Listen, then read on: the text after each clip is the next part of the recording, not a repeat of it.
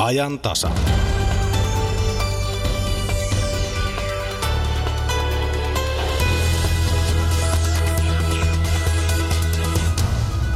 Vauvat tarvitsevat oman päivän ajateltiin kesäkuussa ja nyt syyskuun viimeinen perjantai sellaista vietetään. Jos tämä on päässyt livahtamaan korviesi ohi, niin vahinko korvautuu kyllä. Nimittäin Musiikkitalon päätapahtumasta ajantasaa vieraaksi tulee Vauvasuomi ryn hallituksen puheenjohtaja Merja-Maaria Turunen. Taide auttaa hyväksymään vatsamakkarat ja katsomaan itseä armollisemmin. Ajantasassa on haastattelussa vuoden nuori taiteilija 2018 J.A. Juvani. Topeliuksen maamekirjan jäljillä kulkenut matka Maamme 2017 on kulkenut parin viikon ajan eri puolilla maata ja tänään saavumme päätepisteeseen Imatralle. Potunnostossakin käymme, Tyrnävällä nostetaan puikulaa. Ysärikatsauksessa pohditaan, millä ne autot liikkuu parinkymmenen vuoden päästä, eli siis nyt, aurinkovoimallako. Se lähetyksen lopulla. Minä olen Kati Lahtinen. Tervetuloa ajantasan seuraan.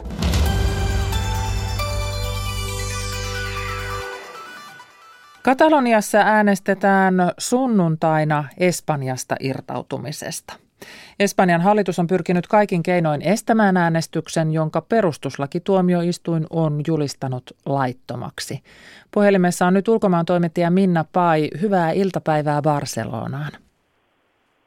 Hyvää iltapäivää täältä Barcelonasta. Minkälaisissa tunnelmissa siellä ollaan nyt, kun äänestyspäivä lähestyy? Sunnuntai on siis äänestyspäivä. Kyllä täällä on äh, itsenäisyyden kannattajat ainakin hyvin innokkaissa tunnelmissa täällä. Eilen illalla keskustan läpi meni iso mielenosoituskulkue, jossa opiskelijat liehuttelivat näitä itsenäisyyden kannattajien Katalonian lippuja. Ja kun täällä kaupungilla kulkee, niin lippuja on parvekkeilla ja näkyy kylttejä. Parvekkeilta roikkuu tämmöisiä kankaita, jos lukee demografia ja si, eli kyllä. Eli kyllä nämä itsenäisyyden kannattajat ovat valmiit menemään uurnille ja uhmaamaan tätä Espanjan keskushallituksen päätöstä, mutta tietysti tämä jakaa mielipiteitä.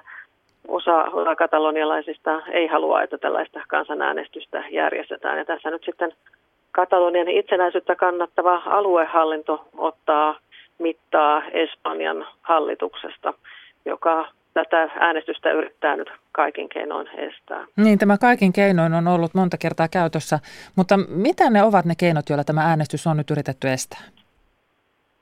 Tänne Katalonian on lähetetty tuhansia poliiseja. Esimerkiksi tuossa Barcelonan satama-alueella on pari tällaista matkustaja-alusta, joihin on näitä poliiseja majoitettu. Eli poliisien tarkoituksena on sitten estää, että ihmiset eivät pääsisi äänestyspaikoille. Ja lisäksi täällä on nyt ihan lähituntien aikana takavarikoitu näitä äänestyslippuja. Niitähän on jo aikaisemminkin takavarikoitu, mutta nyt niitä on takavarikoitu vielä lisää. Ja suljettu tämmöinen rakennus, missä valtavan määrä näitä äänestyslippuja oli varastoituna. Lisäksi poliisin on nyt koulupäivän jälkeen tarkoitus sitten mennä tuonne kouluille, joissa pitäisi äänestää, niin sinetöimään näitä kouluja.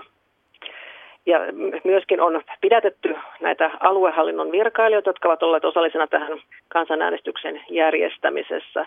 Ja Espanjan keskushallitushan on myös sulkenut Katalonian rahahanat, eli hyvin voimakkaasti kaikin keinoin ikään kuin yritetään estää, että tätä äänestystä ei järjestettäisi.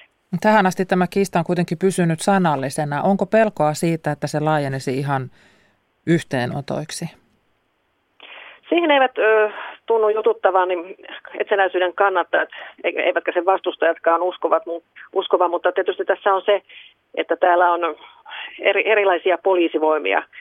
Tänne on tuotu tätä puolis, näitä puolisotilaallisen Guardia Civilin poliiseja ja lisäksi poliiseja muualta Espanjasta. Ja sitten on nämä Katalonian omat poliisivoimat, Mossos de Esquadra.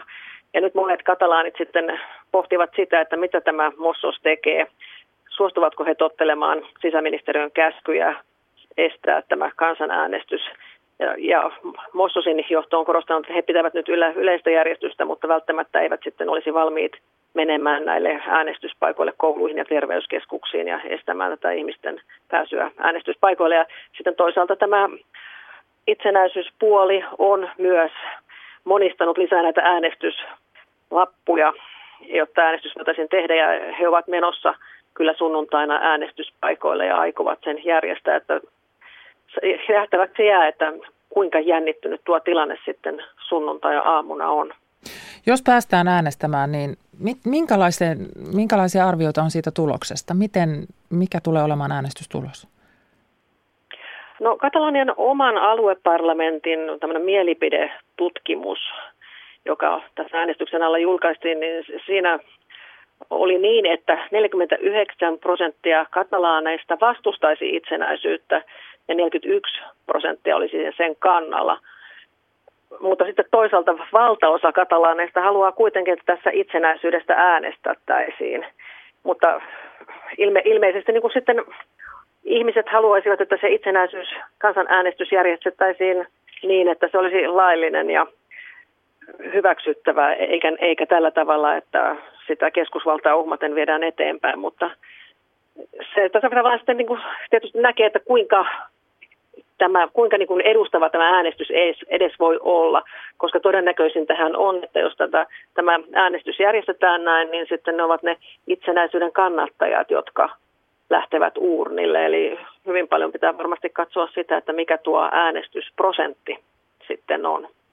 Tämä vaikuttaa äärimmäisen sekavalta monin puolin. Miten tämmöinen sekasotku on päässyt syntymään? Tässä on tämmöistä poteroitumista varsinkin tuolta Espanjan keskushallinnon puolelta, että tavallaan tämä katalanien kokemus siitä, että heitä ei kuunnella – kumpuaa tietysti pitkältä historialliselta taustalta, mutta ennen kaikkea vuodelta 2010, kun Espanjan perustuslakituomioistuin mitätöi suurelta osin tämän Katalonian itsehallinnon laajentamisen.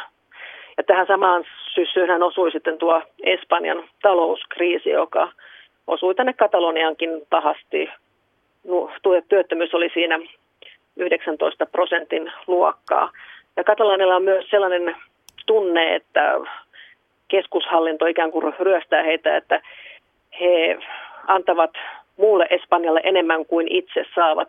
Tämä, tässä, täällähän asuu semmoinen 16 prosenttia Espanjan väestöstä, mutta bruttokansantuotteesta tämä alue tuottaa tuollaisen viidenneksen, joten täällä on semmoinen tunne, että ei, ei, ei saada sitä, mikä heille oikeutetusti kuuluisi. Ja ja tässähän oli jo vuonna 2014 tämmöinen yritys tämmöisen itsenäisyyskansanäänestyksen järjestämiseksi, mutta se sitten niin kuin kuivui tämmöiseksi epäviralliseksi kyselyksi ja siinä 80 prosenttia osallistujista kannatti itsenäisyyttä, mutta silloin vastustajat eivät myöskään vaivautuneet uudelleen. Mm. Silloin ne aluejohtajahan sitten joutui virkakieltoon sen jälkeen. Kiitos näistä ulkomaan toimittaja Minna Pai. Tätä tilannetta seurataan kyllä varsin tarkasti ja sunnuntaina on siis tuo äänestyspäivä. Ehkä palaamme asiaan maanantaina. Kiitos.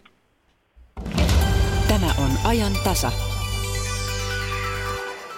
Vuoden nuori taiteilija on Ylitorniolla syntynyt muun muassa Kuvataideakatemiassa opiskellut taiteilija, kuvataiteen maisteri J.A. Juvani. Teoksissaan hän haluaa rikkoa totuttuja normeja. Aiheet ovat usein vakavia, kuten vaikka sukupuoliroolit ja identiteetit, mutta hän käsittelee näitä kuitenkin huumorin kautta. Ensimmäiseksi vastaus klassiseen urheilukysymykseen. Miltä nyt tuntuu? Ihan hyvältä. mä oon tiennyt tästä pari kuukautta, että mä nyt sitten nyt mä saan vihdoin ja viimein puhua siitä julkisesti. Mä oon helpottunut ehkä. Se on ehkä oikea sana. Kenelle soitat tai laitat viestin ensimmäisenä? Mummolle, mummolle ehdottomasti ja sitten isälle varmaan myös. Ja kavereille ryhmä Whatsappiin. Lähtikö se viesti jo? Ei ole vielä lähtenyt, mutta kyllä se vielä lähtee. Miksi just mummolle ja isälle? No mä asun, tai kun mä oon pohjoisesta kotoisin, niin sitten mä näen niitä kauheasti. Ja sitten mä ajattelin, että mummo varmaan arvostaisi, jos se saisi tietää tästä. Tai tiedän, että hän tulee tykkäämään kyllä. Miltä se sinusta itsestä tuntuu? Minkälainen merkitys tällaisella tunnustuksella on? Onhan se hienoa saada tällainen tunnustus. Ja silleen, se on niin kuin, hmm, kuvailisin sitä varmaan, no en mä tiedä, se on hienoa, se on todella hienoa. Ja sitten, sitten se niin kuin kannustaa jatkaan työskentelyä tosi vahvasti. Että auttaa, niin tulee sellainen itselläkin. Tavallaan kyllä mä uskon itseeni, mutta ennenkin tätä, mutta nyt on vielä niin kuin enemmän silleen haluaa niin kuin jatkaa työskentelyä. Niin se toi niin kuin lisävarmuutta. Niin ehkä, ehkä vähän jotain sellaista, tai sellaista niin kuin, jotain sellaista turvallisuuden tunnetta tai jotain outoa. ja onhan se kiva, että ihmiset tykkää.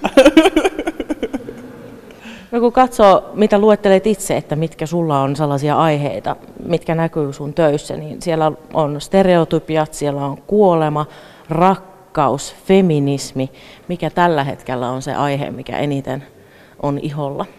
No nyt mä oon käsitellyt enimmäkseen seksuaalisuutta ja ehkä queer-identiteettiä, niin kuin, ehkä enemmän yrittänyt määritellä ja sitten ehkä sellaista, niin kuin, että minkälaisia kehoja me nähdään ja mikä on niin kuin seksikästä ja mitä on halu.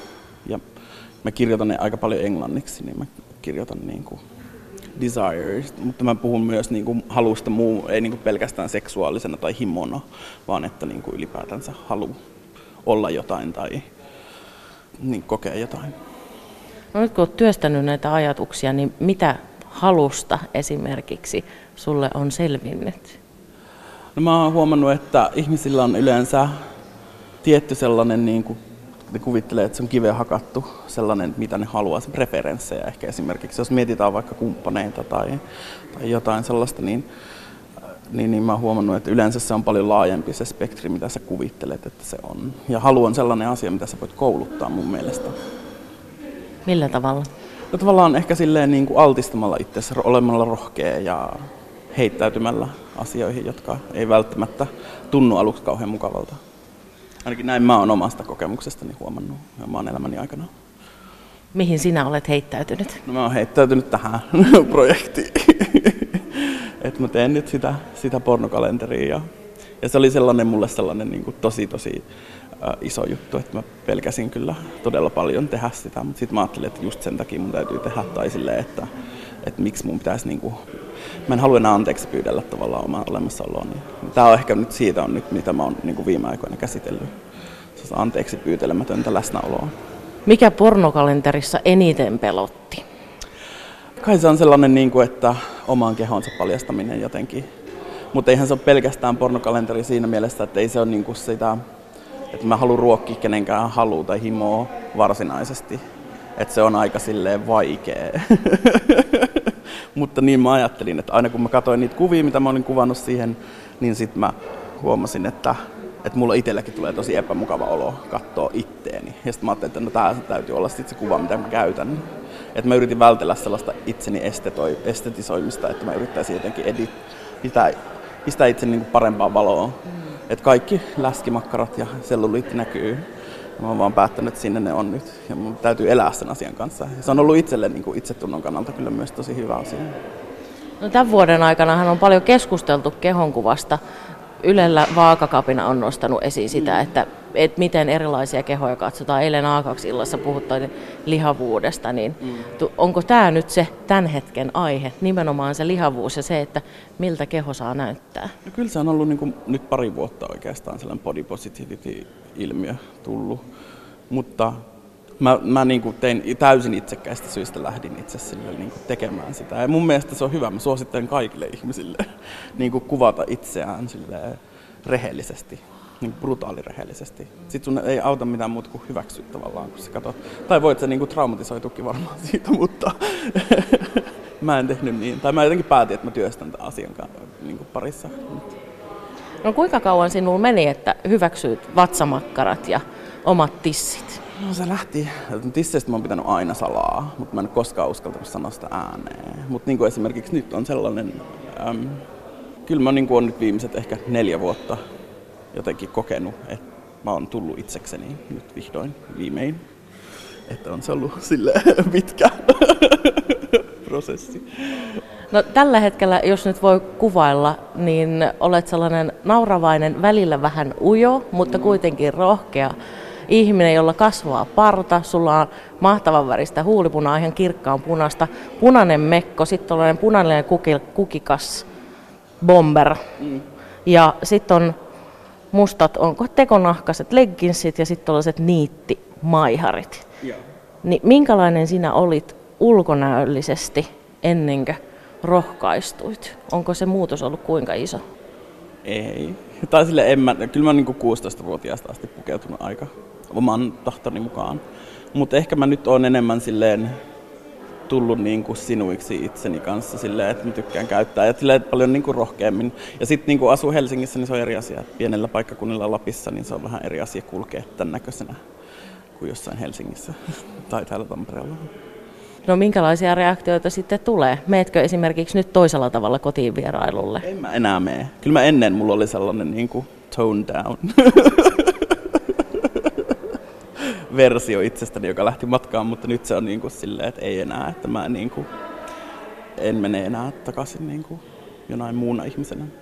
Puhuit siitä sun omasta epämukavasta olosta, joka tulee, kun katsot kuvia, joissa, joissa omat makkarat näkyy, tai jotenkin muuten oma keho sellaisella tavalla, mihin ei olla totuttu. Mutta minkälaisen olon haluat katsojalle? Mä toivon, että se ei jätä sua rauhaan. Se on se, mitä mä toivon. Että sille, että sä näet jotain, joka on niin kuin syöpyy sun verkkokalvoille ja sun ajatuksiin tuolla. Että se, ja sit, siinä on paljon huumoria, mutta mun mielestä huumori on paras tapa niin kuin päästä ihmisten niin kuin sisään tavallaan. Niin kuin, että se on jo tehnyt jotain. Ja sitten mä luotan siihen, että kaikki vitsit vanhenee, että niille ei voi nauraa loputtomasti. Että sitten on pakko miettiä, että mikä tässä on niin kuin pohjalla. Niin kuin esimerkiksi Squeaky Toys, missä videolla puristelet omia tissejä. Sillä että käsissä on vaaleanpunaiset kynnet, niin ensinhän se naurattaa, mutta sitten alkaa miettiä, että hetkinen. Niin. niin, se on kai myös sille, se lähti ihan siis puhtaasti siitä, että mä kuljin kotona ja puristelin tissiä ja päästelin ääniä. Ja sitten mä vaan tajusin, että mä haluan ehkä kuvata tällaisen niin kuin videon, missä mä puristelen mun tissiä ja sitten kuuluu tällainen koiran vinkuleluääni. Ja sitten mä tein sen. Mutta sitten että onhan taustalla tosi silleen niin kuin oman kehon kanssa jotenkin hyväksyminen. Senkö viestin haluat myös katsojille?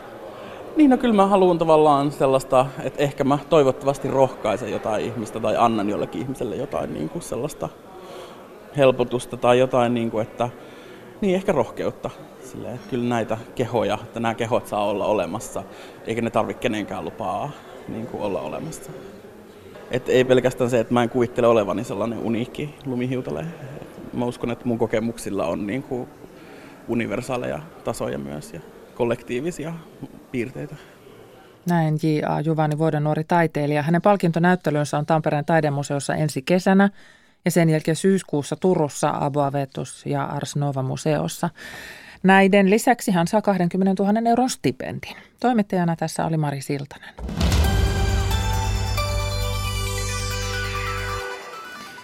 Raskaana olevat näkevät usein vauvoja kaikkialla ja jos tänään tuntuu siltä, että vauvoja on ollut kaikkialla, niin tuntuma ei välttämättä ole väärä.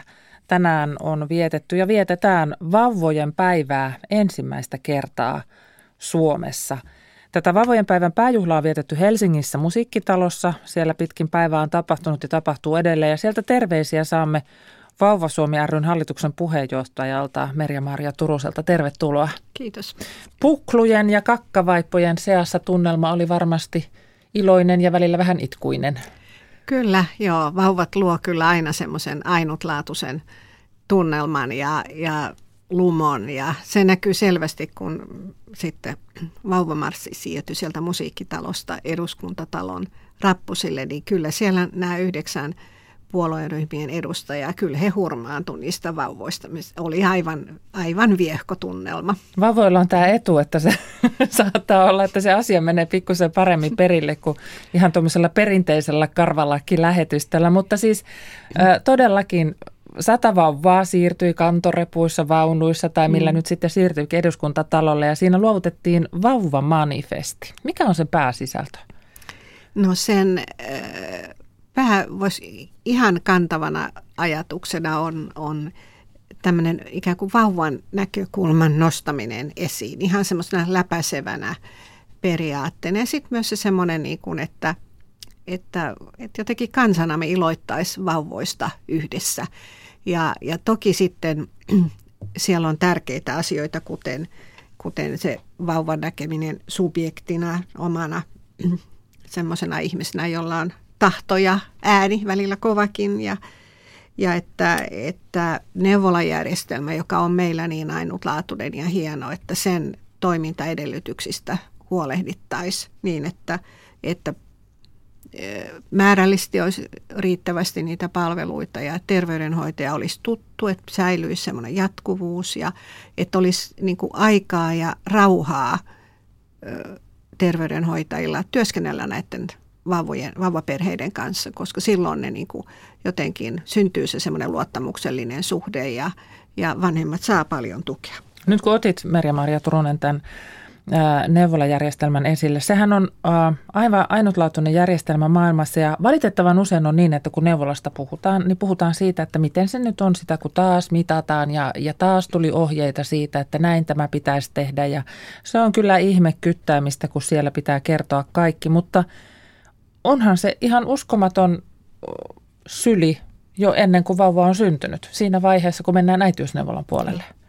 Kyllä, ja kyllähän siellä on myös tota, hyvin moderni tieto siitä, että, että se vanhemmuus todella hyvin syvällisesti alkaa jo raskausaikana. Että se, että mikä, mikä mielikuva vauvasta on ja millä lailla vanhemmat niin kuin rakentaa sitä vanhemmuuttaan, se alkaa kyllä jo ihan silloin. Ja samoin se tukiverkoston rakentaminen, että jotka, kun vähän sanotaan, että vauvan kasvattamiseen tarvitaan ei pelkästään vanhempia, vaan kyllä ja koko yhteiskunta, niin se on kyllä ihan totta, että, että ehkä näissä neuvolan eh, kritiikissä on paljon myös vähän semmoista asennettakin, että mä luulen, että meidän kannattaa suomalaisena välillä niin kuin mm, jotenkin katsoa itseemme, että eh, asenteet vauvoja ja vauvaperheitä kohtaan noin yleisesti on kyllä muuttunut aika tiukoiksi. Välillä näkee aika semmoista epäkohteliasta käytöstä, että kun ehkä, ehkä jotenkin aikaisemmin ajatteli, että –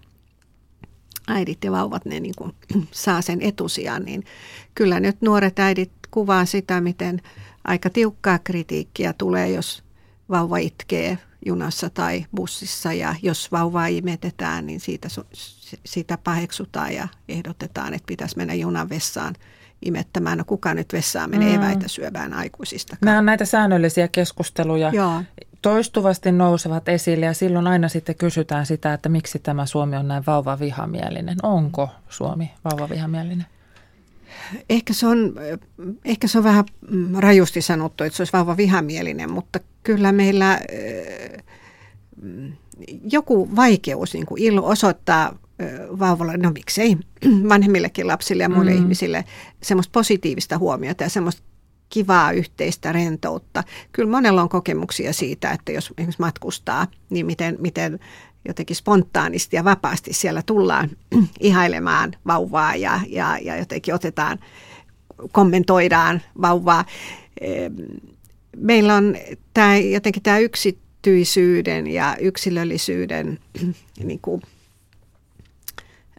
varjeleminen ehkä, ehkä aika tapissaan. Ja se on vähemmän yksi semmoinen, mikä, mikä tota, musta siinä neuvolatyöskentelyssäkin ö, olisi tosi tärkeää, että vanhemmat oivaltaa sen, että, että se systeemihän on heidän auttamisekseen ja he jollakin lailla niin kuin, että kyllä he voivat myös vähän tehdä siitä neuvolasta ja siitä asiakassuhteesta vähän myös näköisensä. Sehän on kun meillä puhutaan aina tämmöisestä yhden luukun periaatteen mm. toiveesta, mm. että voi kun saisi kaikki palvelut yhdestä paikasta, niin neuvolahan tavallaan on sellainen. Siellä kun ottaa esille asioita, niin yleensä siellä sitten ohjataan lääkäriin tai, tai jos sitten tarvitsee apua siihen omaan vanhemmuuteensa, jos se on imettäminen, joka on vaikeaa, jos on ruoka-asioita. Siellä se olisi, kun sen vain osattaisi hyödyntää. Joo, ja tästä on nyt esimerkiksi hyvä esimerkki nyt just vauvan päivänä, kun Helsingin kaikissa neuvoloissa ja leikkipuistoissa oli, oli avoimet ovet ja tapahtumia, niin itse piipahdin Vallilan neuvolassa, joka on suht pieni neuvola. Ja, ja sie, sielläkin ja tietysti vielä paremmin sit näissä uusissa isoissa perhekeskuksissa, nyt on Itäkadun on jo avattu mm. ja niin, niin siellähän on samalla käytävällä on mahdollisuus. Siellä on sosiaaliohjaaja, siellä on terveydenhoitajat, eli siellä voi saada niin kuin hyvin laaja-alasta asiantuntemusta eri asioihin. Ja, ja uskon, että, että kun vaan vanhemmat niin kuin jotenkin pörhistyy käyttämään kaikkia sitä, niitä mahdollisuuksia, mitä siellä on, niin hyvä tulee. Ja se ei tee vanhemmasta huonoa vanhempaa, jos vähän pyytää jeesiä. No ei todellakaan. Viisashan osaa kysyä neuvoa ja, ja jollakin lailla ö, on tärkeää, että vanhemmat oivaltaa, että kaikki vanhemmat tarvitsee tukea. Että se aikaisemmin tuli jotenkin luontevasti siinä perheen ja suvun piirissä. Nyt voi olla, että välimatkat on pitkät ja, ja, ja vanhemmat kyllä yllättävän helposti jää sinne. Että äitikin vanhempainlomalla, niin moni valittaa sitä, että, että he ovat vähän siellä niin kuin, kuplassa siellä kotona, että on vaikeaa lähteä ja, ja, ja tätä pitäisi avata enemmän. No se liittyy taas varmasti tähän yhteiskunnalliseen ilmapiiriin. Ja nyt kun tässä sen sanoo ääneen, niin eihän niin kuin itselläkään niistä vauvavuosista nyt kovin, kovin montaa vuotta ole, kun se pieni vauva on ollut siellä kotona. Ja, ja tästä vanhemmuuden paineisuudesta on puhuttu viime vuosina aika paljon puhutaan tästä pärjäämisen kulttuurista ja vähän semmoinen, että itse olet lapsesi tehnyt, että pärjäile nyt sitten siinä ja pitää jaksaa. Ja ennen ei valitettu, että ennen vaan mentiin eteenpäin. Ja sitten siinä on jonoksi asti niitä ohjeiden antajia, niin siinä sitten koittaa jotenkin kuunnella sopivasti ohjeita ja pärjätä näiden paineiden kanssa, niin miten tällainen vanhemman epävarma olo siitä omasta vanhemmuudesta heijastuu sinne vauvaan? Kyllähän vauva kauhean nopeasti niin kuin tunnistaa, miltä vanhemmasta tuntuu. Ja jos vanhemmalla on huoli ja paha mieli, vauva lukee sekä, sekä ilmeitä että, että äänen sävyä. Ja tietysti kaikki ohjaus ja tuki ja tulee se sitten jotenkin sieltä eh, isoäideiltä tai isovanhemmilta tai neuvolasta, niin sehän pitää antaa kunnioittain ja, ja sillä keskustellen. Mm, eh, aika, aika tylyä on ajatella, että, että jos olet niin kuin lapsen tehnyt, niin itsehän siitä vastaat. Ei, ei ihmissuhteet ja elämä toimi sillä lailla. Kyllähän me kaikki tarvitaan toisiamme ja, ja vauvan vastuu vauvasta on tosi iso ja, ja kyllä siinä, sehän osoittaa, että kun vanhempi on hämmentynyt ja, ja ehkä niin kuin hakee neuvoja ja, ja mielipiteitä, niin sehän on, osoittaa, että, hän on, että vanhemmuus on hänelle tärkeää, mm. että hän haluaa tehdä sen hyvin. Toisaalta sitten on myös niin, että, että toivo, toivoisin ja Vauva Suomi yleisestikin toivoo, että siihen vanhemmuuteen tulisi myös semmoista rentoutta. Eli ei ta, kaiken ei tarvitse olla niin kuin ihan vimpan päälle, että monasti nyt kun etenkin kun synnytetään ehkä vähän – jo niin, että ajatellaan, että pitää olla valmiina kotiin ja ammattiin hyvässä vaiheessa ja kaikki, kaikki asiat ikään kuin alta hoidettuna ja sitten tulee se vauva. Mm, e, kyllä, kyllä vauvat viihtyy ja kasvaa tosi hyvin myös semmoisessa ikään kuin noin, e, voisiko sanoa, vähemmän valmiissa elämänkuviossa myöskin, että kaikenlaiset äidit ja vanhemmat on juuri oikeita heidän, heidän lapsilleen. Vielä yksi kysymys, Merja-Maria Turunen. Tässä nyt on paljon tätä vauvakeskustelua ja, ja, ja tietysti puhutaan siitä, että miten tämä Suomi olisi parempi paikka vauvoille, mutta esimerkiksi perhevapaa-uudistuskeskustelu käynnistyy viime viikolla. Osallistuuko Vauva Suomi siihen jotenkin? No me ollaan varmaan, halutaan olla kyllä hyvin moniääninen sillä lailla, että meidän hyvin suuri intressi on se, että, että tätä perhevapaa-uudistusta myös tarkasteltaisiin siitä näkökulmasta, että mitä vauva ehkä itse toivoisi ja mikä palvelisi niin kuin sitä vauvan hyvää kehitystä. Se on selvä, että työelämä ja perheen yhteensovittamisessa on tiettyjä ristiriitoja ja, ja äidit, kaikki työssä olevat äidit ovat näitä valintojaan tavalla tai toisella kipuilleet. Mutta, mutta se on mahdollista myös löytää semmoisia joustavia ratkaisuja, jotka sitten mahdollistaa sen, että on ihan riittävän hyvä vanhempi ja on riittävästi aikaa, vaikka sitten myös työelämä saa osansa. Kiitos Vauva Suomi ry hallituksen puheenjohtaja Meri-Maria Turunen. Pääset takaisin sinne musiikkitalon juhlaan ja tänään siis oli ensimmäinen vauvanpäivä. Katsotaan päätyykö se jossain vaiheessa kalenteriin saakka. Kiitos. Venezuelassa valtio on romahduksen partaalla. Toisten mielestä syy on roistohallituksen, toisten mielestä Yhdysvaltojen imperialismin. Siis ei Syyria, ei itse Venäjä, eikä oikeastaan mikään muu maa, jota seuraan, aiheuta samanlaista kaksijakoisuutta kuin Venezuela. Maailmanpolitiikan arkipäivää Venezuelassa. Lauantaina kello 14 uutisten jälkeen. Yle. Radio Suomi. Lapin puikulasta mainitaan aina, kun puhutaan laatuperunasta, mutta mepä puhumme tänään Tyrnävän puikulasta. Sen noston aika on nyt ja päälle vietetään perinteiset perunamarkkinat. Tyrnävältä tässä lähetyksessä huitastaa runsaat 500 kilometriä kaakkoon ja saavutaan paikkaan, josta Topelius kirjoitti maamme kirjassa, että Imatran ukkosen kaltainen jymina kuuluu puolen peninkulman päähän ja putouksen vieressä ei saata kuulla toisten ääntä, mutta me kuulemme Jakke Holvaksen äänen. Maamme 2017 on tänään Imatralla ja Ysäri katsauksessa puhutaan muun muassa autojen käyttövoimasta. Mutta mitä Aki on löytänyt Ylen nettisivulta? Nettisivujen luetuin juttu on oikeastaan video tällä hetkellä. Se on otsikoitu, että näetkö tässä videossa hirven? Suurin osa ei näe. No joo, vaikea sitä on nähdä. Tulee vähän mieleen tietysti, että hankala, jos on tarpeeksi kaukana pusikossa, niin videosta on sitä erottaa, mutta hyvä havainnollistava, siitä, havainnollistava video siitä, miten hyvin hirvi tuonne maastoon piiloutuu. Jos se ei liiku, sitä on äärimmäisen vaikeaa nähdä ja sitä tämä video hyvin demonstroi. Eli vaikka hirvi on Suomen luonnon suurimpia eläimiä, sen havaitseminen tien laidassa tai metsässä on äärimmäisen vaikeaa. Se on pahus sen puurungon värinen. Se on sitä kiinni ja tosiaan sen, sen oloinen, kun se paikallaan seisoo, niin vaikea sitä huomata. Eli tämä on ihan hyvä katsoa kyllä tämä video ja miettiä, että miten sitten, jos se olisikin vähän lähempänä tietä ja sitten päättäisi just oikealla hetkellä lähteä siitä autoilestä yrittämään tietä, niin mitä sitten? Ja pannaan hämärä siihen vielä sitten Niin, lisäksi, niin, se niin tekee kuin yleensä o- oman lisänsä, joo. Sitten otsikko, joka varmasti herättää tunteita. Tässä kerrotaan tuoreesta tutkimuksesta, mu- jonka mukaan pienen lapsen kanssa ajavat nuoret naiskuljettajat ovat riskialttiita. Onneksi en ole enää nuori nainen. Tutkimuksessa, niin ensimmäiseksi todetaan, että tutkimuksessa tarkasteltiin vain naiskuljettajia, sillä yksi vauvan kanssa ajavia mieskuljettajia on aineistossa hyvin vähän, mikä on tietysti mielenkiintoista sekin, mutta tosiaan Yhdysvaltalaista aineistoa hyödyntävän tutkimuksen mukaan nuorilla naiskuljettajilla, joilla on alle vuoden ikäinen lapsimatkustaja kyydissä, on kohonnut riski joutua kuolemaan johtavaan liikenneonnettomuuteen, siis vakavaan onnettomuuteen. Tutkimuksesta vastasi väitöskirjaa tekevä Iida Maasalo sekä hänen ohjaajansa Esko Lehtonen ja Heikki Summala. Väsymys on tietysti yksi tekijä, jos on niin pieni lapsi kotona, niin on ihan selvä. Toinen on se, että se lapsi saattaa häiritä sitä ajamista noin rumasti sanottuna tavalla tai toisella. No, se maissinakson ojentaminen takapenkille. Muistan näitä akrobaattisia liikkeitä, joo. kehittää notkeutta, mutta vaarantaa ajamisen. Ja sitten vielä voitaisiin ottaa, kun näistä ruokavalioasioista tässä on puhuttu pitkin matkaa juttu, joka kertoo, että koululaisille syötettiin lounaaksi heinäsirkkoja Turussa ja kommentti on kuulemma, että eivät maistuneet miltään.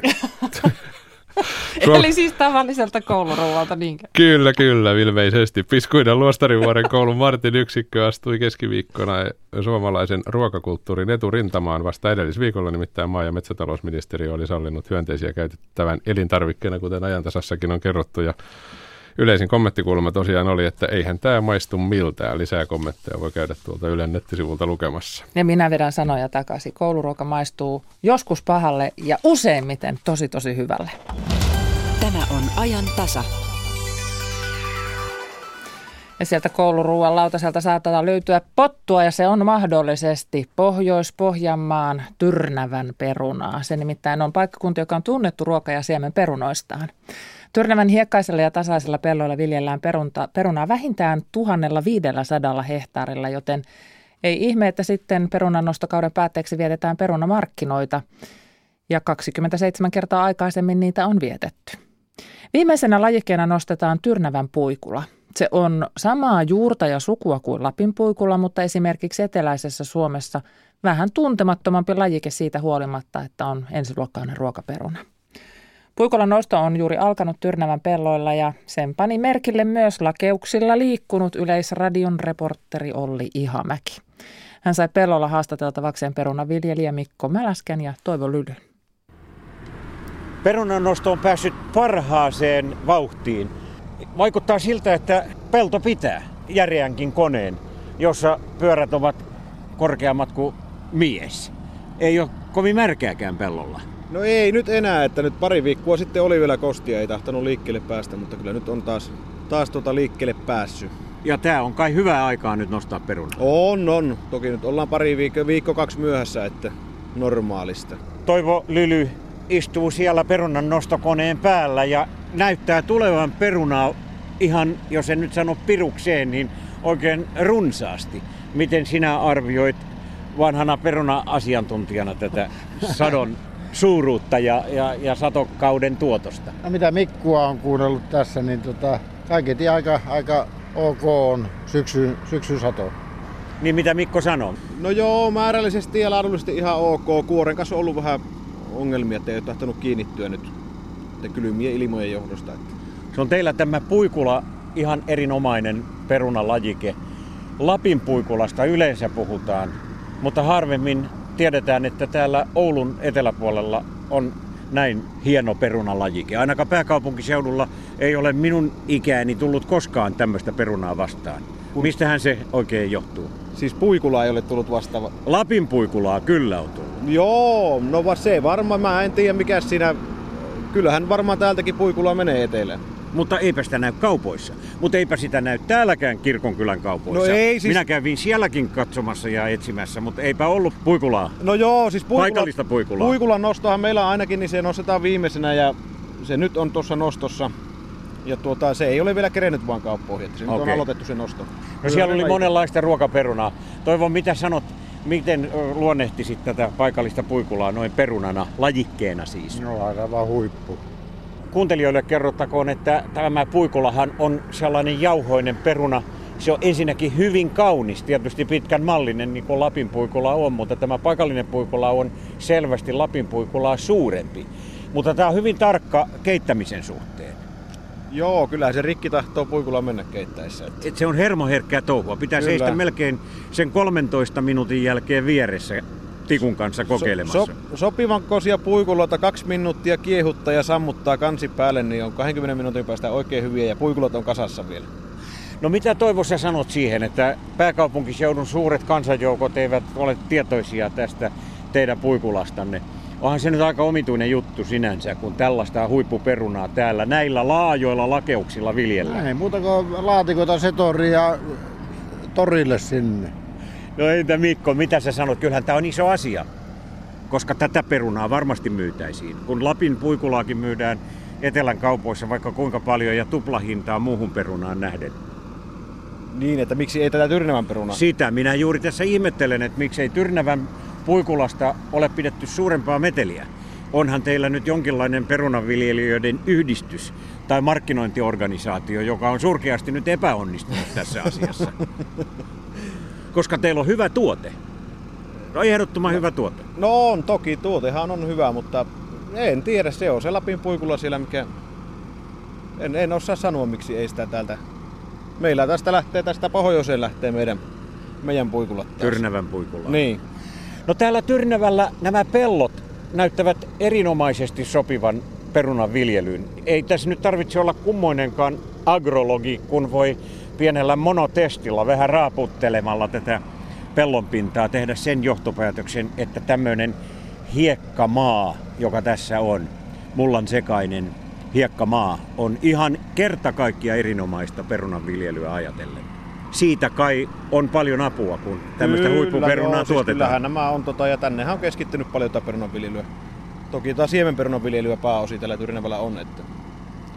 mutta maathan täällä on oikeinkin loistavia tähän perunanviljelyyn. No kuvaile nyt vielä hieman tätä kesää, jota monet moittivat huonoksi kesäksi säiden suhteen. Mutta silloinhan ajatellaankin muita asioita kuin perunan kasvatusta, ajatellaan vaan vapaa-ajan viettoa ja rusketuksen saamista. Niin sinä, Mikko, voisit nyt kenties tässä radion kuuntelijoille kertoa hieman vaikutelmiasi kesän ominaisuuksista perunan kasvatuksen kannalta. No meillähän se oli ala, alakuun kylmähän se ollut koko ajan ja sitten oli tota kuivaa ja sitten saatiin vettä väliin aika reilustikin. Että kyllä tämä aika haasteellinen kesä on ollut. Mutta sikäli kun katsoo tätä nättiä perunaa, se on siis todella kaunista, kun se nousee tuolla, tuonne koneen huipulle, niin, niin, niin voi tehdä sellaisen johtopäätöksen, että ei se nyt ainakaan satoa ole pilannut millään lailla. Kenties päinvastoin. No joo, ei siis, nuo myöhäisemmät lajikkeet, niin kuin puikula juurikin, niin pieneksi jäi tänä vuonna. Että ei, ei vaan lämpö ei piisannut. Mutta näin maalikko voi tehdä sen johtopäätöksen, että kyllä se kaunista on kattilaan pantavaksi. Ja nyt mulle iski niin kova perunahimo, että mun täytyy lähteä kyllä perunan keittoon. No niin, ei, ei auta mikään, ei auta mikään, mutta kyllä nyt kerta kaikkiaan semmoiset ohjeet teidän markkinointiorganisaatioille pitää antaa, että, että tämä Tyrnävän puikulla on nostettava ihan huippuluokkaa niin, että jokainen suomalainen tietää, että, että minkälaista perunaa täällä Oulun eteläpuolella kasvatetaan. Kyllä, ehdottomasti.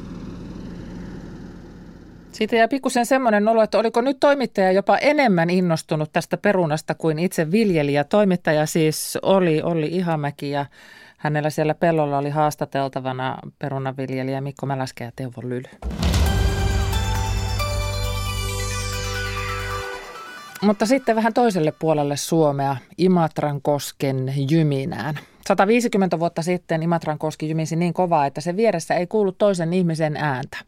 Tämä käy ilmi Sakari Topeliuksen Maamme kirjasta.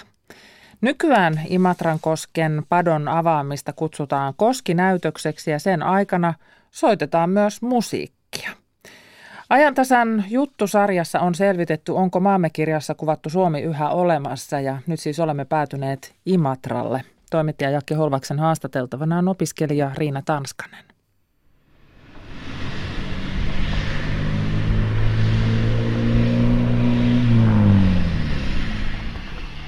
Me ollaan Imatralla, Imatran koskella, tämän kosken yläpuolella sillalla. Joo. Joo, kyllä. Tää on tää Imatran keskustan pääsilta, mistä pääsee puolelta toiselle. Imatran koskessa ei suinkaan mene vettävää, se on täysin kuiva. Ja jostain kumman syystä aina, kun näkyy jonkun vesistön kuiva pohja, niin siellä on polkupyörä. Ja niin on nytkin. Ja tuossa vähän kauempana, mitä mä nyt sanoisin, joku 50-100 metriä, niin siinä on sitten tuo varsinainen Imatran kosken pato, ja se on nyt sitten jonkinlaisessa remontissa, ja sen takia tässä ei vettäkään virtaa. Maamme kirjassa Sakari Topelius kirjoitti, että Imatran koskella se veden pauhu on niin kova, että siinä ei kuule edes puhetta vieruskaverille. Oletko koskaan ollut tässä silloin, kun tämä on auki? Ja onko siinä kova meteli? No lähinnä se kova meteli tulee siitä Nightwishista, mikä kuuluu tuolta hirveä kovaa, tai mitä nyt milloinkin soitetaan. Siis kyllä täällä kuulee jutella. Eli musiikki soitetaan? Joo, tuossa on niin kuin koskinäytössä siinä kuuluu joku musiikki. Et nyt on ollut Nightwish on ollut monta kertaa ja sitten jotain Finlandiaa ja niin kuin muuta jylhää musiikki, mikä toimii siihen kuohuihin. Niin, no se on aika kova, mutta ei ne, ei se... Imatran kosken sillalta käveltiin nyt tämmöinen 50 metriä tähän länsipuolelle. Ja tässä on kivi, ja tässä lukee, että Imatran koski Suomen hyvinvoinnin sampo valjastettiin vuosina 1921 1928 toi viimeinen numero tuossa.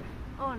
Jos hyvinvoinnin tuo se, että valjastetaan koski ja peräti koko Suomelle, niin silloin on 20-luvulla tehty jotain isoa. Mm, ja onhan se, että et onhan se vieläkin, tämä Imatran koski on aika iso osa koko imatralaista identiteettiä ja se on vähän Joo. kaikilla. Ja vaikka täällä onkin asunut koko elämässä, niin kyllä tämä silti tuntuu aika jylhältä ja hienolta vieläkin nähdä. Joo. On. Oletko koskaan käynyt täällä koskinäytöksessä? En ikinä. Siis se nousee oikeesti. Ne korkeimmat aallot, ne saattaa nousta ihan tonne niinku, noin tohon huipulle asti. Mutta kyllä sanotaan niinku muutama metri. Ja sitten kun istuu, tai seisoo tuolla toisella puolella, tuolla kruununpuistopuolella, ja sitten on siinä ihan sillä, sillä vieressä, silloin saattaa niinku kastuukin. Et Ihan tosi. Joo, et ei ne niinku tunne aallot tänne asti, mutta pisaroit saattaa tulla. Joo, joo. No niin, Riina Tanskanen, olet paitsi opiskelija kirjallisuutta Tampereella ja Imatralta lähtöisin, niin olet myös kotiseutuihminen, nuori, mutta kuitenkin kotiseutuihminen. Aika harvinainen yhdistelmä. Miksi? En tiedä, minulla teki lukioaikan tapahtui sellainen suuri herääminen siitä, kuin hieno paikka Imatra on. Et silloin yläasteaikoina mulla oli tosi vahvasti sellainen, että haluan täältä pois ja kauhea, kauhea paikka. Mutta sitten jotenkin ehkä me kiinnyin niin kovasti siihen meidän, meidän lukio, Imatran yhteislukio, Imatran ainut lukio, Imatran paras lukio siihen. Ja siellä jotenkin tuli sellainen imatralaisuuden henki ekaa kertaa. Ja, Mikä, mikä on imatralaisuuden henki? ää, no se on jotain sellaista niinku hullua tekemisen intoa, että lähdetään tekemään jotain ihan älytöntä. Esimerkiksi niinku, no siis se, että Imatralla järjestetty heinäkuun aikana yksissään kolmet musiikkifestarit joka viikonloppu, niin on se aika älytöntä. Mutta niissä oli porukkaa ja niinku se, että täällä on ihmisiä, jotka uskoo ihan täysin siihen tekemiseen ja tekee, to- tekee tollasta, niin musta se on tosi hienoa.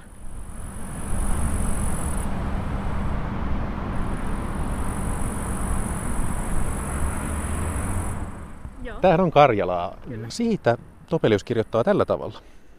Karjalainen on Suomen kansan valopuoli, avomielinen, kohtelias, vilkas, kevytmielinen, helposti ohjattava ja helposti eksytetty, herkkä uskoinen kuin lapsi, ei kuitenkaan vailla suomalaisen itsepintaisuutta, mutta herkkä oppimaan ja varustettu luonnon lahjoilla. Riina Tanskanen, jos, niin miltä tämä kuulostaa? Kuulostaa nyt aika hullut stereotypialta, mutta tota, siis kyllä niistä jotain sellaisia pieniä niin kuin, on jäljellä. No yksi sellainen niin kuin, tuttu sanoi, että se oli tullut Helsingistä, se oli niin kuin helsinkiläinen, ja sitten se oli käynyt täällä baarissa. Ja sitten se jotenkin oli ihan niin kuin fiiliksi siitä, että kun täällä baarissa niin kuin on paljon mukavampi olla, että se on niin kuin paljon sellaista lepposampaa, ihmisille voi jutella ja se on niin kuin sellaista mukavaa olemista ja että ihmiset ei yritä liikaa. Että se huomasi selkeästi sen eron niin kuin Helsingin ja sit, niin kuin tämän välillä. Ja noi tollaiset piirteet on sit, niin kuin jotain, mitkä iskevät. Just sellaista iloisuutta ja lepposuutta. Ja kyllä musta tuntuu, että sitä niin kuin jonkun verran, mutta sitä ei ehkä itse huomata täällä, kun asutaan. No sitten tuota, itsepintainen karjalainen ei ole niin ymmärtäväinen kuin savolainen. Näetkö mitään tällaisia eroja niin kuin karjalaisen ja savolaisen välillä? Et ei ihmisiä voi niin jakaa, että joku on tällainen ja joku tällainen. Ei kaikki täällä ole lupsakoita eikä iloisia, eikä kaikille voi mennä niin kuin juttelemaan. Riina Tanskanen, kun nyt olet mennyt tuonne Tampereelle opiskelemaan, sulla on vertailukohtia nyt tavallaan hämäläisiin. Sehän on vähän siinä Hämeen rajalla Tampere, mm. mutta se on kuitenkin Hämettä. Ja sitten näihin karjalaisiin. Ja tätä itä- ja länsieroa Topelius myös erittelee tässä maamme kirjassa. Hämäläinen on rotevampi, kankeampi ja hartevampi, kestävämpi, jurompi ja jäykempi kuin hänen veljensä karjalainen. Minä ainakin kuulu hirveästi niin kuin täältä kaikilta, varsinkin niin kuin vanhemmilta sukulaisilta ja vanhemmilta, että sitten kun menet sinne, niin sitten ei tarvitse siellä kyllä bussikuskelle mitään jutella. Ja, koska täällä pystyy ihan niin kuin lepposasti juttelemaan bussikuskelle. Toisaalta meidän bussit on paketteja kokoisia välillä, niin siellä on ihan helppokin jutella. Mutta tota, on niin kuin kuullut sitä, että, että sit siellä ollaan niin kuin, jurotetaan ja ollaan vähän hitaampia hämäläisiä sitten, et, tuommoisen niinku iloisen ja repseen karjalaisen voi olla vaikea sopeutua sinne, mutta emme ei jotenkin jaksa uskoa tuohon. Että tällä, mitä niinku me on käynyt siellä ja ollut nyt siellä, että me ollaan muutettu tavarat sinne sen verran on viettänyt aikaa Tampereella, niin on ollut hirveän ystävällistä porukkaa. Ja heti siinä pihalla, kun käy viemässä roskia, niin joku tulee tervehtimään juttelemaan. Ja, että ei ole ollut mitään eroa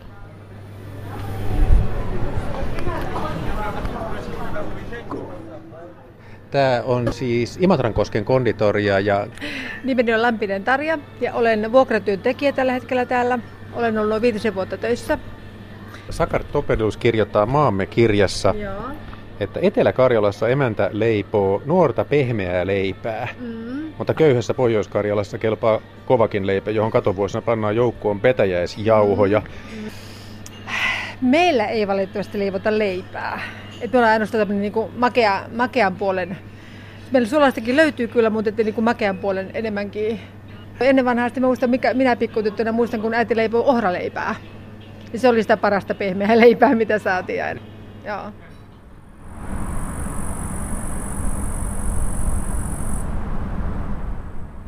Pidetäänkö täällä muuten Imatralla sellaista karjalaisuuden traditioita yllä? Halutaanko siihen uskoa? kyllä myös tuntuu, että niin se elää näillä seuduilla niin vahvasti vielä. Ja ehkä se tulee silleen, että sitä ei edes huomaakaan, että just niin perinnäruuat, karkalapiirakat ja mm. paistit ja muut. Ja, niin ne kulkee niin luonnostaan mukaan, että ei sitä sille edes ajattele. Ja ehkä sen huomaa sitten, kun lähtee jonnekin tonne muualle. Esimerkiksi me kävi Tampereella kaupassa. Ja siis mä olin ihan järkyttynyt, koska sieltä ei saanut natusen ohrarieskaa. Ja siis se nyt on ehkä ihan luonnollista, koska ei niinku, sitä silleen kuljeteta 500 kilsaa jonnekin. Mutta siis musta oli kamalaa.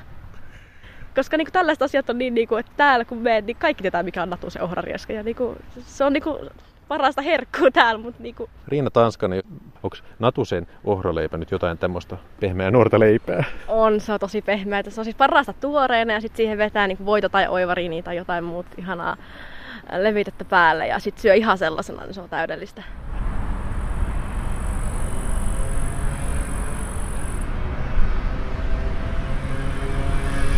Jakke Holvas haastatteli tässä Maamme kirja 2017 sarjassa opiskelija Riina Tanskasta ja se siis oli tämän upean sarjan viimeinen osa. Tänään on julkaistu Ylen kulttuurikoktaille verkkosivuilla Jakke Holvaksen kirjoittama Maamme kirja 2017 Savomaa kirjoitus ja sieltä voi lukea lisää savolaisista ja karjalaisista ja myös neljä muuta maakuntajuttua löytyvät kulttuurikoktailin verkkosivuilta. Ja jatketaan vähän tämmöistä historiallista matkaa. Syksyllä 1997 uutiset harva se päivä kertoivat jotain uutta äh, Alhon ja Sundqvistin jupakasta. Toinen valtiovarainministeri Arja Alho oli hyväksynyt STS-pankin entisen pääjohtajan Ulf Sundqvistin vahingonkorvausvelvoitteen leikkaamisen, vaikka korkein oikeus oli määrännyt miljoonien maksut. Asian käsittely jatkui vuosia. Syyskuussa 20 vuotta sitten tilanne oli tämä. Terttu Lenso aloittaa. Ministeri Arja Alhon toimien lainmukaisuus Ulf Sundqvistin korvausjutussa tulee tutkittavaksi eduskunnan perustuslakivaliokunnassa. Hetki sitten alkaneessa eduskunnan täysistunnossa luetaan ministerivastuulain mukainen muistutus. Valtakunnan oikeuteen tähtäävä prosessipyyntö on poikkeuksellisen järeä ase politiikassa. Eduskunnasta Jari Niemelä. Muistutusta parhaillaan täällä luetaan. Tämä jupakka on nyt siis saanut uuden käänteen, eli kristillisten kansanedustaja toimi Kankaanniemen ensimmäisen allekirjoittaman muistutuksen, joka koskee toisen valtiovarainministeri Ari Alhon toimien laillisuutta tässä Ulf Sundqvistin korvausasiassa. Ministerivastuulain mukainen muistutus on hyvin poikkeuksellinen menettelytapa – Tämän nyt jätetyn tai parhaillaan luettavan muistutuksen ehkä mielenkiintoisin ja keskeisin, keskeisin kysymys kuuluu, oliko ministeri Alholla laillinen oikeus poliittisella päätöksellä mitä töidä tässä tapauksessa ylimmän oikeusasteen tuomio, jota kaikkien osapuolten on noudatettava, ja hankkiko ministeri kaikki asian ratkaisemiseen vaikuttavat tiedot ennen päätöksentekoa.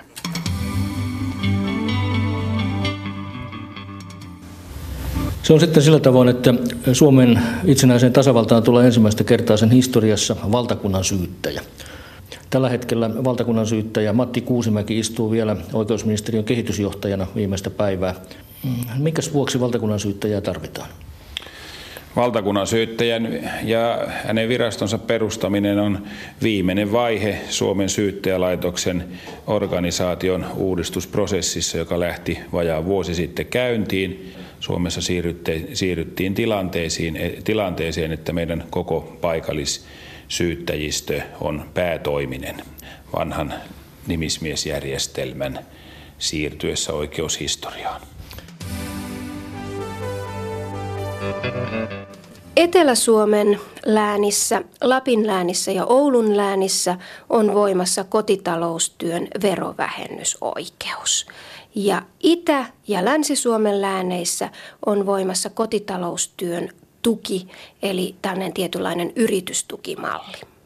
Valtakunnan syyttäjä haastatteli Juha Sihvonen. Toista uutuutta, kotitalousvähennystä, esitteli ekonomisti Jaana Kurjanoja Veronmaksajan keskusliitosta. Autoihin etsittiin ekologisempia polttoaineita.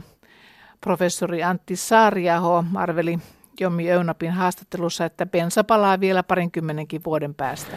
Jos minun pitäisi arvioida, eh, millä bensiiniä ja dieselöljyä niin kuin vaihtoehtoisesti parhaiten korvattaisiin, niin kyllä maakaasu näillä näkymillä näyttää olevan raskaassa liikenteessä varsin varteen otettava vaihtoehto. Koska sitten käytetään pääosin muita kuin nykyisiä polttoaineita ja, ja mikä on tulevaisuudessa – autoa vastaavan laitteen käyttöenergia? Onko se aurinko?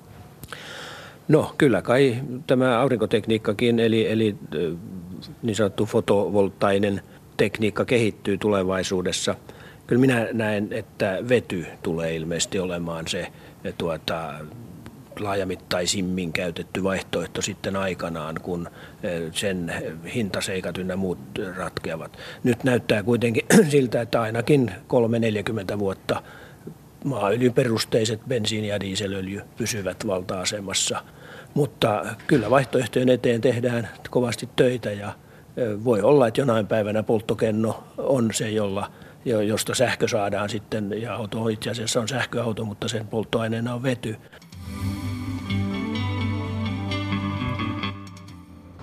Minä kaksi vuotta ja kolme kuukautta oli tulin Turkista. Mä odotin, tuli mulle negatiivi. Siksi mä olen nälkälakossa. Tuomiokirkon portailla Helsingissä nälkälakkoili Turkin kurdeja. He osoittivat mieltään ulkomaalaisvirastoa vastaan, koska olivat saaneet sieltä kielteisen päätöksen mielestään väärin perustein. Leena Reikko Istanbulista kertoi, mitä palautetuille tapahtuu. Jokaisen palautetun ulkomailta turvapaikkaa etsineen Turkin kansalaisen kohtalo ja kohtelu täällä on yksilöllistä ja poikkea toisistaan, mutta erään Turkin ihmisoikeusjärjestön Istanbulin osaston asianajajan mukaan yhteistä kaikille palautetuille on se, että heidät lentoasemalla yleensä pidätetään. Mikäli päättäjältä löytyy tietoja etsintäkuulutuksista, keskenjääneistä oikeudenkäynneistä tai muusta vastaavasta tai epäilyttävästä, kyseinen henkilö siirretään turvallisuuspoliisikompleksiin, jossa myös sijaitsee erityinen terrorismin vastainen yksikkö, jonne poliittiset tapaukset kuuluvat. Jos koko turvallisuuspoliisi on pahamaininen, entistä huonompi maine on juuri tällä terrorismin vastaisella yksiköllä, jossa kuulusteluissa olleet usein valittavat kidutuksesta ja muusta huonosta kohtelusta. Kajanissa pidettiin muistotilaisuus, jossa kymmenet sankarivainijat saivat viimeisen leposiansa isänmaan maaperässä. Myös saksalaiset sotaveteraanit olivat suomalaisten mukana osallistuneet rajan takaisin Karjalan maille jääneiden etsintöihin. Yksi heistä oli Willy Bonkrats. Und bin aus Liebe zu meinen gefallenen Kameraden nochmal nach Finnland gefahren und auch im Auftrag meiner ehemaligen und jetzigen Kameraden, die Tunnen rakkautta kaatuneita kohtaan ja halusin vielä kerran tulla Suomeen. Minulla on myös tehtävänä tervehtiä kaikkia sodassa kaatuneita aseveljiä, kaikkien niiden puolesta, jotka eivät päässeet tälle matkalle. Näin tulkasi Päivi Daal 20 vuotta sitten. Katarina Lahtonen kokosi Ysärikatsauksen. Maanantaina ajantasan suorassa linjassa puhutaan muistista ja unohtamisesta. Onko avaimet hukassa, kännykkä, auto? Unohtuko hakea lapset tarhasta? Moni meistä unohtelee asioita, mutta mikä on normaalia unohtamista ja mikä ei? Muun muassa tästä sitten puhutaan maanantaina. Puhun tästä siksi, että sen sitten maanantaina myös muistaisin. Studiossa kuuntelijoiden kanssa keskustelemassa on muistisairauksiin perehtynyt neurologi Kati Juva. Maanantaina voi soittaa suoraan lähetykseen, mutta niitä kysymyksiä ja kommentteja voi laittaa jo nyt osoitteeseen ajantasa at radiosuomi.fi. Ja maanantaina iltapäivällä puhutaan sitten siitä, mistä ei puhuta, eli suomalaisen keskustelun tabuista. Minä olen Kati Lahtinen. Toivotan tässä kohtaa hyvää viikonloppua.